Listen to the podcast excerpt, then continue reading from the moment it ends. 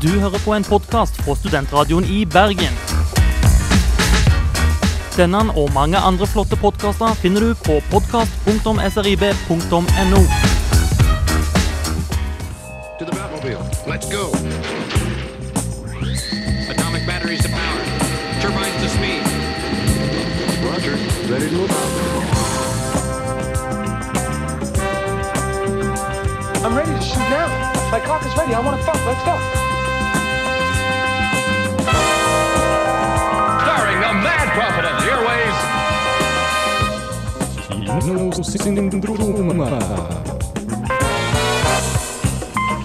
Da er det nok en torsdag, og vi står klare til å gi dere nytt og gammelt ifra filmens verden. Eh, I oss, oss vil i dag si meg, Kristian Voldnes, Karina Tone. Nadine Farnes. Og Ingvild Haraldsen. og vi skal da lede deg gjennom denne timen um, som vi nå er blitt så vant med å kjøre, Kinosyndromet. Um, men før vi setter i gang, så skal vi høre ukas låt, som denne gangen er 'Ceremony' med 'Hysteria'.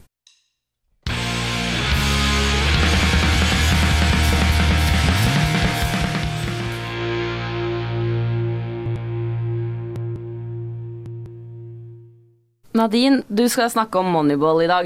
Eh, det er Brad Pitt eh, nyeste film. Det er det. Eh, hvordan står det til i baseballens verden? Er det mye hysteria ute og går? oh, den kommentaren måtte komme. Eh, jo, altså Dette er jo en eh, film basert på en sann historie. Eh, og handler da om Billy Bean, spilt av Brad Pitt, sjekkingen som vi alle kjenner. Eh, som da er general manager, eller GM som de kaller det, for eh, The Oakland Ace, som er en sånn stor baseballklubb. Eh, men eh, Oakland Ace befinner seg i harde tider, og de beste atletene blir da kjøpt opp av større klubber, og de blir kalt the donor organs Sier jeg det riktig? The organ donors to the rich. Så de har litt problemer, da, skal man si. Eh, Men så får han eh, hjelp av selveste Peter Brand, også spilt av Jonah Hill. Eh, dere vet hvem han er, ikke sant? Fra yeah. Superbad. Og han var jo nominert til en Golden Globe for denne rollen. Mm, og han spiller den veldig bra, men nok om det kommer vi til senere. Eh, så de finner da ut en ny taktikk da, på hvordan å eh, kjøpe og selge eller bytte ut spillere da, som revolusjonerer hele baseballverdenen. Så det er det liksom plottet går ut på. Ehm, fordi det er liksom ikke lenger de beste spillerne som blir valgt ut, men de med statistisk gode sjanser til å gjøre det bra i en spesifikk situasjon på banen. Uh, det er en veldig sånn uh, grei film. Du trenger ikke å kunne noe om baseball egentlig i det hele tatt for å se på denne filmen. Jeg for eksempel er ikke interessert i sport i det hele tatt, egentlig. Uh, så det gikk helt fint for meg. Fordi de gjør den eh, De gjør det veldig forståelig og veldig enkelt, og man blir veldig engasjert i historien. Fordi det handler mer eh, om historien bak sporten, da, en, eller de som står bak sporten, enn da selve spillet. Så man, man klarer liksom å forstå det, og man henger liksom i hele tiden. Um, ja. Så kan vi kanskje si litt om eh, hvem som står bak filmen.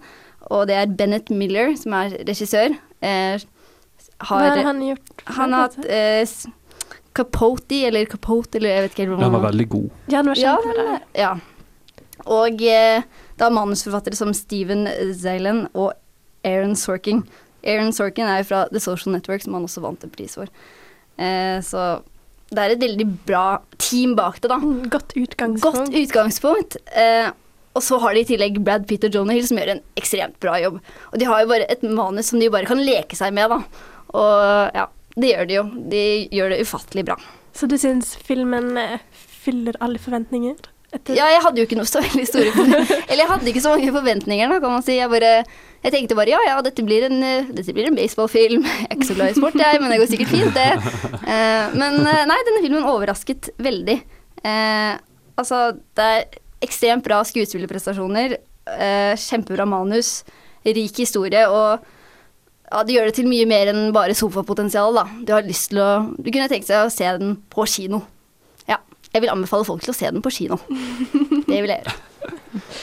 Ja, nei, jeg vet ikke. Jeg forventa Jeg bare egentlig forventa at den var skulle være litt kjedelig. Ja, den så er veldig klisjé ut, syns Ja, jeg. Ja, rett og Ja, slett litt la meg si dere imot. Den er ikke det. Den ser så døll ut. Ja, men du tenker det, men åh jeg føler at liksom Brad Pitt gjør eh, Altså, han gjør denne rollen sånn helt sinnssykt bra, og bare Du tenker kanskje ja, Brad Pitt, han er han er liksom helten i alle filmer, og jeg er ikke helt sikker på om jeg liker han.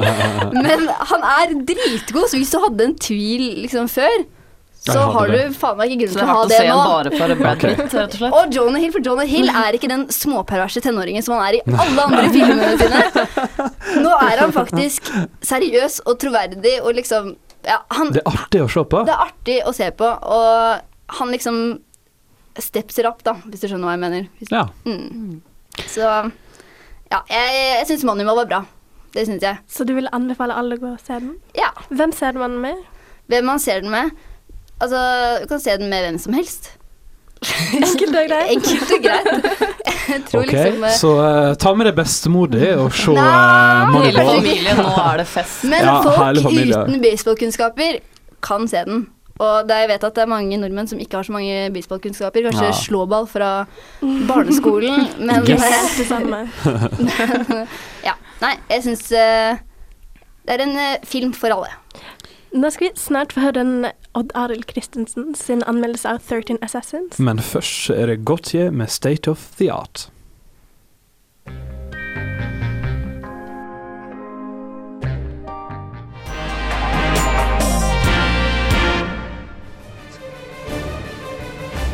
We mortals are but shadows and dust. Shadows and dust! Som mange andre synes jeg historiske drama er fascinerende. Vi får i filmer som Gladiatoren eller Braveheart innsyn i en verden som er omslått av mystikk. Det hele blir for meg en eksotisk opplevelse, noe jeg ikke har opplevd før. Uten noe spesielt forhold til historiske drama fra Asia, har jeg inntrykk av at de er som Crouching Tiger Hidden Dragon, en film som er så overdrevet og tøysete at den kun gjør seg som støtte til flygelet ditt. Er du som meg og frykter disse filmene, er det en glede å meddele at 13 Assassins ikke er en slik film.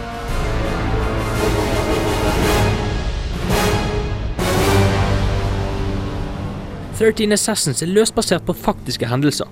Den tar for seg Japan på midten av 1800-tallet, hvor det fødale regimet svinner hen. Samuraiens tid nærmer seg slutten. Sadistiske Naritsugu får stadig mer makt, og ingen motarbeider han. Noen må ta hånd om sakene før Naritsugu får for mye makt. Shinsamon er mannen som må ta livet av Naritsugu, og han hyrer tolv samuraier til å hjelpe seg.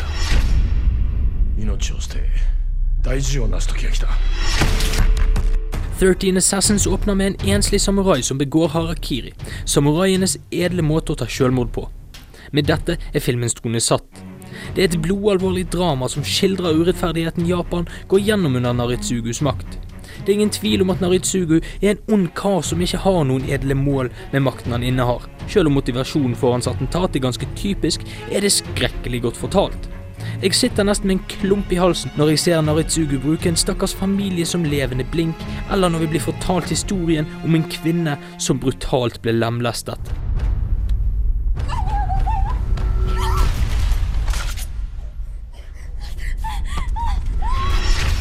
Er man litt kjent med regissør Takashi Mikes andre filmer, forventer man seg en brutalitet som overgår det meste annet. Om du forventer deg sjokkerende vold, vil du bli skuffet. Selv om filmens 50 minutter lange slagscene viser mye blod og vold, er det aldri av den mest groteske sorten. Mike skjuler mye mer av volden enn det han har gjort i andre filmer, og spesielt med den lemlestede kvinnen ser man tegn til en regissør som vet hvordan han best skal få publikummet til å kjøpe historien. Han baserer seg mye mer på den følelsesmessige reaksjonen på handlingen i filmen, ikke selv volden. Med dette er det tydelig at man ser på en film som er voksen og moden i sin skildring av forferdelige hendelser.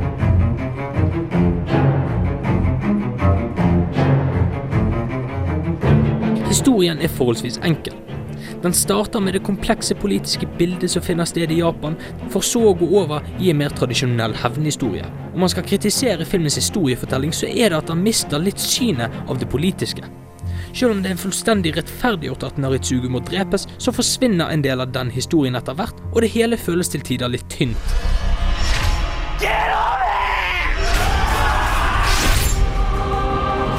Historiens mindre gode deler blir imidlertid betydningsløst når man ser det i forhold til filmens fantastiske persongalleri.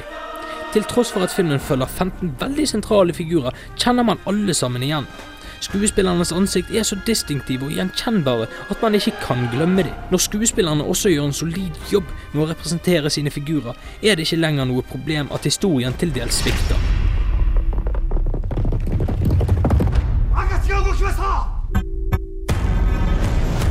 赤字の人数は。はるかに多い。200は超えておりましょう。13人。おのおの方。覚悟は良いな Man kan ikke snakke om 13 Assassins uten å diskutere den siste slagscenen.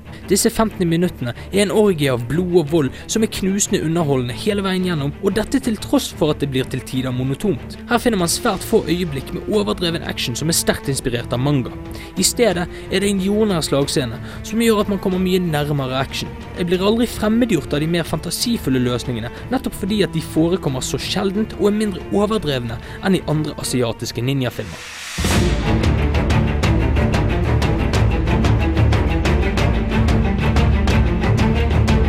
Om man absolutt vil, så kan man sikkert tolke 13 Assassins til å ha mange underliggende temaer. Jeg ser i stedet bort fra det, og lar meg imponere sterkt av det filmen er på overflaten. Et historisk drama som rivaliserer det meste som er blitt laget i nyere tid i Vesten. Historien er engasjerende, verden er interessant og action er knusende.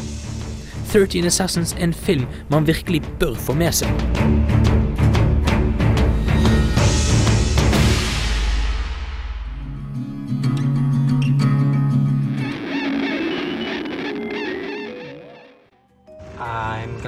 Galaxia, that's my German name. I'm from a little Bavarian village called Lickensee-Dinkel. Care to visit? He's just not used to male intimacy. Oh, well, that's okay because I'm a lady. Oops. no, I'm not. Whoa, there it is. Okay. Woo, I feel like dancing. Okay. Dancing. Do you feel like dancing? Dans med Kinosyndromet hver torsdag 11-12 på Studentradioen i Bergen. Ja, ifra uh, snikmordere og Nothing Is The News til sjefen for FBI og Hassi. Historie. Du nevnte noe om uh, skittenhemmelighet og homofili i stad, eh, Karina. Det gjorde jeg. Det, det er kanskje det eneste som er interessant med denne filmen. Men det kan jeg komme tilbake til litt senere. Det kan du. Først kan jeg jo si sånn kort hva filmen handler om. Gjerne. Eh, det er Clint Eastwood som har laget den, eh, så da får man jo ganske høye forventninger. Um, det er en film om eh, J. Edgar Hoover, han som var uh, sjef for FBI i ca. 50 år, tror jeg det var.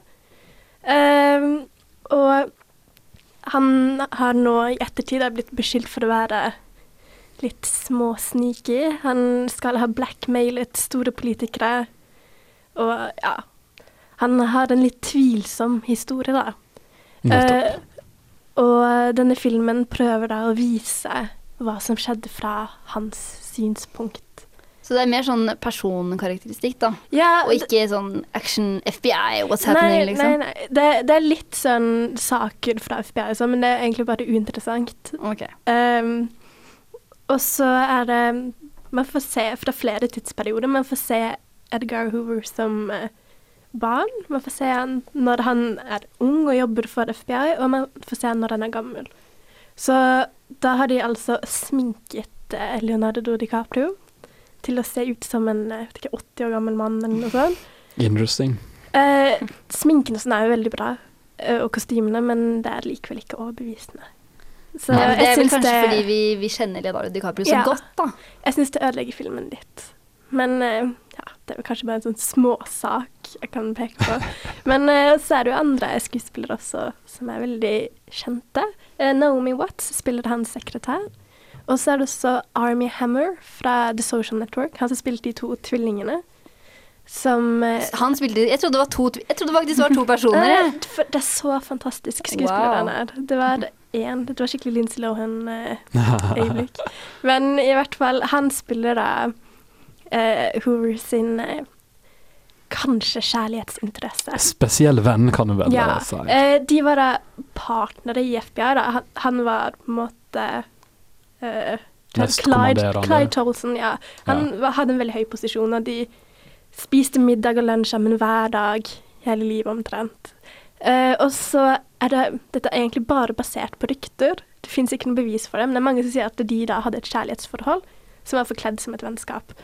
Og jeg syns det egentlig er det eneste som er interessant med filmen. Og det er litt trist, siden det bare er basert på rykter. Det er eksempel, sant. det er en sånn scene med en konfrontasjon mellom de to som er helt fantastisk, men det er bare oppdiktet. Så- Og så var jo også Judy Dench involvert. Ja. Judy Dench var med. Eh, for han, Hoover han var litt undertrykt av moren sin. da. Han bodde hos moren sin nesten hele livet. Og hun sa at hun heller ville ha eh, en død sønn enn en homofil sønn. Det gjorde hun veldig klart. Nettopp. Så hun var ikke akkurat uh, Så veldig hyggelig og mø- imøtekommende der. Men jeg, jeg vet jo at du elsker Judy Dench. Så Jeg gjør det, men hun må gjerne være den største hurpa på film, altså. Det, det gjør det bare mer lovable, det, altså. She's been there before. Men så jeg har litt blandede følelser om filmen. I begynnelsen likte jeg den ikke i det hele tatt. Da var det på en måte bare en sånn skrytefilm som prøvde å vise hvor fantastisk Edgar Hoover egentlig var. Men uten å røpe for mye, så er det sånn at de siste ti minuttene så får man vite at det, filmen handler egentlig ikke om det i det hele tatt. Og da likte jeg den. Men bortsett men fram til det punktet, Ja, så for det er på en måte Så sånn- du, du wasta ganske Ja, mye tid, da, det- fram til de ti minuttene Ja, da du faktisk likte filmen. Ja, for det er på en måte en litt sånn twist på slutten. Ah. Og når denne twisten kommer fram, tenker man OK, da var det ikke så ille. Da var dette bare en interessant måte å bygge opp filmen på. Men frem til Jeg visste ikke om den, at den tvisten skulle komme, da var det egentlig bare Så du si at hvis du, hvis du på et eller annet tidspunkt skulle ende opp med å se den igjen, så ville ikke du føle at det er like stor waste of time som det var før du oppdaga den Jo, ja. Det er, for, det er fortsatt waste. Ja, Så eller det hadde ikke gjort den bedre om det hadde kommet tidligere? Jo, jeg, jeg syns hvis hele filmen fra begynnelsen ikke framsto som en sånn film som skulle hylle Det er jo en av USAs eh, store liksom, hva jeg si, store menn, da, en Mm. helt for flere, og en viktig del av mange eh, oppvekst og oppfatning av USA som et uh, etterkrigsland. så det er jo kanskje ikke så rart at de ikke tør å drage den helt ut med å sverte mannen for Men han fremstår litt ufordragelig. Han, han manglet sosiale antenner, han var merkelig og Men syns du Leonardo DiCaprio gjør en bra jeg, jeg vet ikke. For tingen er at eh, han, Hoover hadde visstnok en veldig spesiell måte å snakke på. Mm. Så jeg tror DiCaprio prøver å etterligne dette. Men da framstår på en måte bare hele skuespillet litt rart. Men Ok. ja. Vel, han jo, skal jo være 80 år eh, Ja. samtidig. Leonardo har mye å kjempe med. eh, jeg må si at jeg syns Army Hammer, at som spilte Clyde Tolson, stjal egentlig hele skuespillershowet. Han var kjempeflink. Så kanskje det er verdt å se filmen for å se han Så han er en ganske ny skuespiller. Se hvordan han utvikler seg. Men eh, nå skal dere få høre en sang av Judy Bridgewater som heter 'Never Let Me Go'.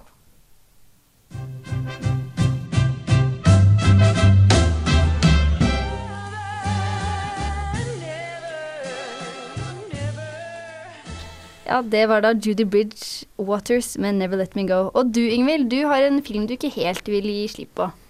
Det er Leon. Uh, og det er en film fra 1994, og jeg anser den som uh, ikke min favorittfilm, men det er i hvert fall en av de bedre jeg har sett. Uh, så jeg kan fortelle, fortelle litt om handlingen i filmen, da. Eh, I møte med leiemorderen Leon så forandrer livet til den unge jenta Matilda sitt seg totalt.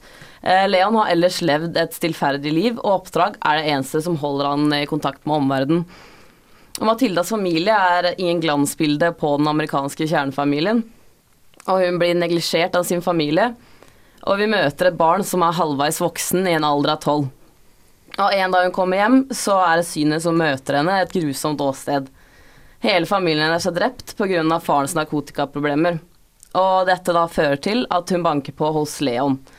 Matilda sverger til hevn, og den eneste som kan hjelpe henne, er Leon. Eh, skuespillerne her er eh, Jean Renault, altså jeg aner ikke hvordan jeg skal si det. Eh, Natalie Portman, som også hadde sin da spillefilmdebut. Debut. Ja, Hvor gammel var hun da? Var ikke hun sånn tolv eller noe? Det er i hvert fall det karakteren er. Eh, Ja, men ja, jeg tror nettopp. litt muligens Hun var sikkert 13-ish. Hun så liten ut iallfall. Ja. Men ja, bare Og hun spiller eh, også veldig bra. Til altså Ja, du ser jo at eh, Mm. hun kommer til å bli veldig god. Eh, så det baserer seg på eh, forholdet mellom disse to. Og det er et veldig sterkt forhold, syns jeg i hvert fall. Eh, det tar jo utgangspunkt i at det er en thriller- og actionfilm, men jeg syns den gir veldig mye mer til meg enn akkurat det. Ja, jeg skippa gjennom den i stad, og det er liksom ikke actionfilmdelen som egentlig sitter meg så veldig Nei, det er er der, men det er ikke det som er hovedfokuset. Nei, det er jo forholdet mellom da Matilda Mm. og Leon. Så det er liksom det, på en måte, det at han er en leiemorder, det er som en rød tråd gjennom hele filmen, men det er jo det er så spesielt forhold som utvikler seg. Altså, du tenker jo egentlig at det her er helt sært. Han er en eldre mann, og hun er veldig Altså, hun er barn. Men for det så er det fortsatt så naturlig. Du tenker, det er jo bare søtt, og det er helt vakkert, det forholdet de utvikler. Um, og så er det også symbolikken må nevnes. Eh, fordi Leon har en eh, plante som han steller veldig mye med. Og den er gjennom hele filmen. Jeg skal ikke si noe mer egentlig om det, men i hvert fall, altså, du kan tolke den sånn som du vil. Da. Og så jeg føler også at de fleste som ser den filmen der, får danner seg sin egen mening. Så det er eh, flott å diskutere over et par øl, altså.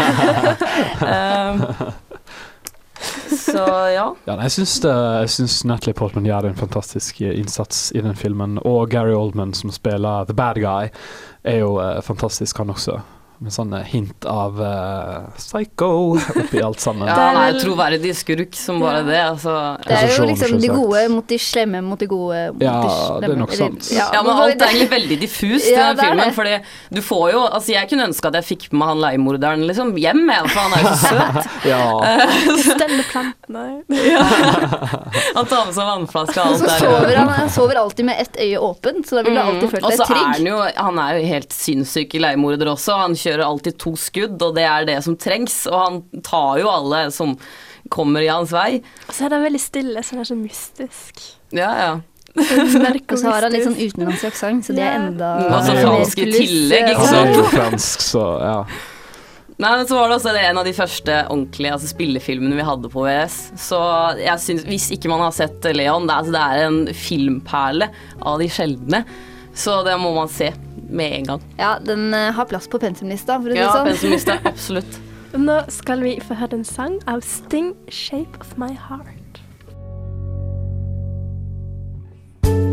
He deals the cards as a meditation. Ja, der hørte vi Sting med 'Shape of My Heart'. Uh, nå er det på tide å snakke litt om ukens premiere.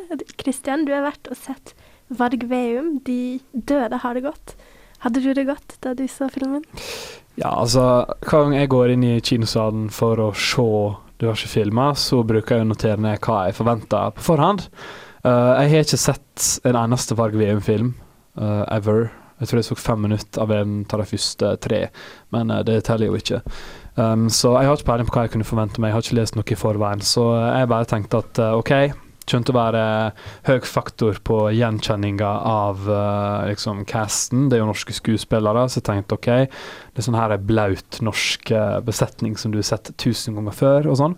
Uh, og generelt en sånn uh, ja, norsk action sett før. Men jeg ble faktisk positivt uh, overraska. God besetning, god blanding av folk du har sett før. eh, helst kanskje ikke de skuespillerne som er helt i det norske Aqualene. toppsjiktet. Ja, Aqualene, som jeg trodde ble, som eh, jeg nevnte så vidt stad uh, når vi pratet oss mellom eh, landsforvist etter forrige som prøvde seg på. Svik, det var en drittfilm. Eh, men hun gjør det faktisk ganske greit, bortsett fra at hun er litt diffus eh, dialektfått etter eh, lang tid i eh, utlandet.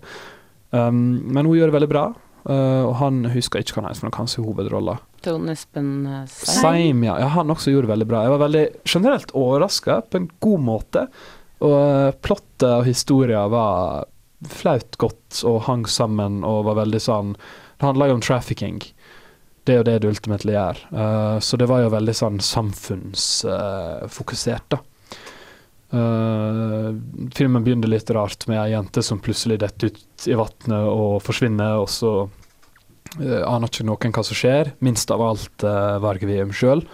og så får vi på en måte vite hvordan han endte opp der, og hva hun har slags funksjon i hans sitt uh, virke. da. Uh, og hele greia begynner til slutt å ligne litt på Menn som hater kvinner, the Norwegian edition. Aqualene Eh, som Lisbeth Salander. Nei, det var kanskje å dra litt hardt. Eh, nei, det, det har med trafficking å gjøre. Og eh, en sånn liga av eh, menn med skumle hensikter som eh, driver med egenimport. Så, eh, og så, så klart kommer han i klammeri med deg, da, så det er jo veldig Veldig sånn eh, Ja, nesten litt sånn storstilt eh, konspirasjonsfilm. Men jeg likte den faktisk, så det ga litt mersmak på andre på andre Varg Veum-filmer. Så, du har lyst til å gå hjem og ha filmkveld hvor du ser alle de andre filmene? Ja, det var kanskje å dra litt hardt, men å velge ut de som, har, de som virker, virker som de har det mest interessante plottet, uh, er absolutt uh, et alternativ eh, for meg. For jeg har bare sett den første Varg Veum-filmen. Jeg syns det var kjempedårlig. Ja, så jeg var, det jeg er var liksom, eh, veldig kritisk til alle de andre tusenvis av oppfølgerne. Det har vært ganske mange varierte meninger, men det er jo ikke så sterke lenge siden vi hadde en sist. Det var jo like før jul. eh, Vår egen Orale Kristiansen var jo der. Med. Han var, jeg var radiostemmen Ja, i han var radiostemma i denne. Jeg husker, jeg husker, vet ikke hva noen tar det. Jeg tror en heter 'Falne engler', for den har vært pla pla på plakat i heimbygda mi i uh, månedsvis. Det er jo ganske stort for oss i Kinosyndromet å ha hatt en av våre egne i en norsk spennende. kinofilm. Det er det. For dette er absolutt ikke den verste norske filmen. Eller verste filmen i det hele tatt, som jeg har sett. Som sagt, det er flaut godt, og det er egentlig det viktigste kriteriet for meg. Ja. Så vil du anbefale folk å gå og se den? Ja, jeg syns det, altså. Hvis, du, hvis man uh, føler man har litt ekstra penger i uh, lomma, så kan man uh, ta en tur og ta med noen kompiser eller noe sånt, og popkorn, brus, sette seg ned, nyte det. Så går vi fra ukens premiere til ukens album, som er Gautier med 'Making Mirrors'.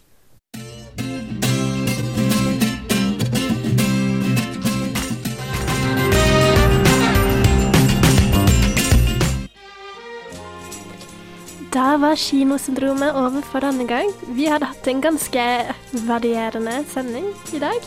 Ja, vi har hørt om eh, 13 Assassins, Leon og J. Edgar. Og du, Nadine, snakket om Brad Pitts Moneyball, og vi har anbefalt den nye Varg VM. Og foruten forutenom eh, godt filmsnakk, eh, så har det også vært litt eh, slarv innimellom, men eh, det er sant som hører hjemme når vi sitter gode venner og prater om film. Denne sendinga vil du finne som podkast sammen med andre sendinger både fra oss og eh, andre program på srib.no. Men heng med videre, for etter oss så kommer Fotball på boks og Pluto Pop. Så gjenstår det bare at vi takker for oss og ønsker dere en god dag videre. Bye, bye!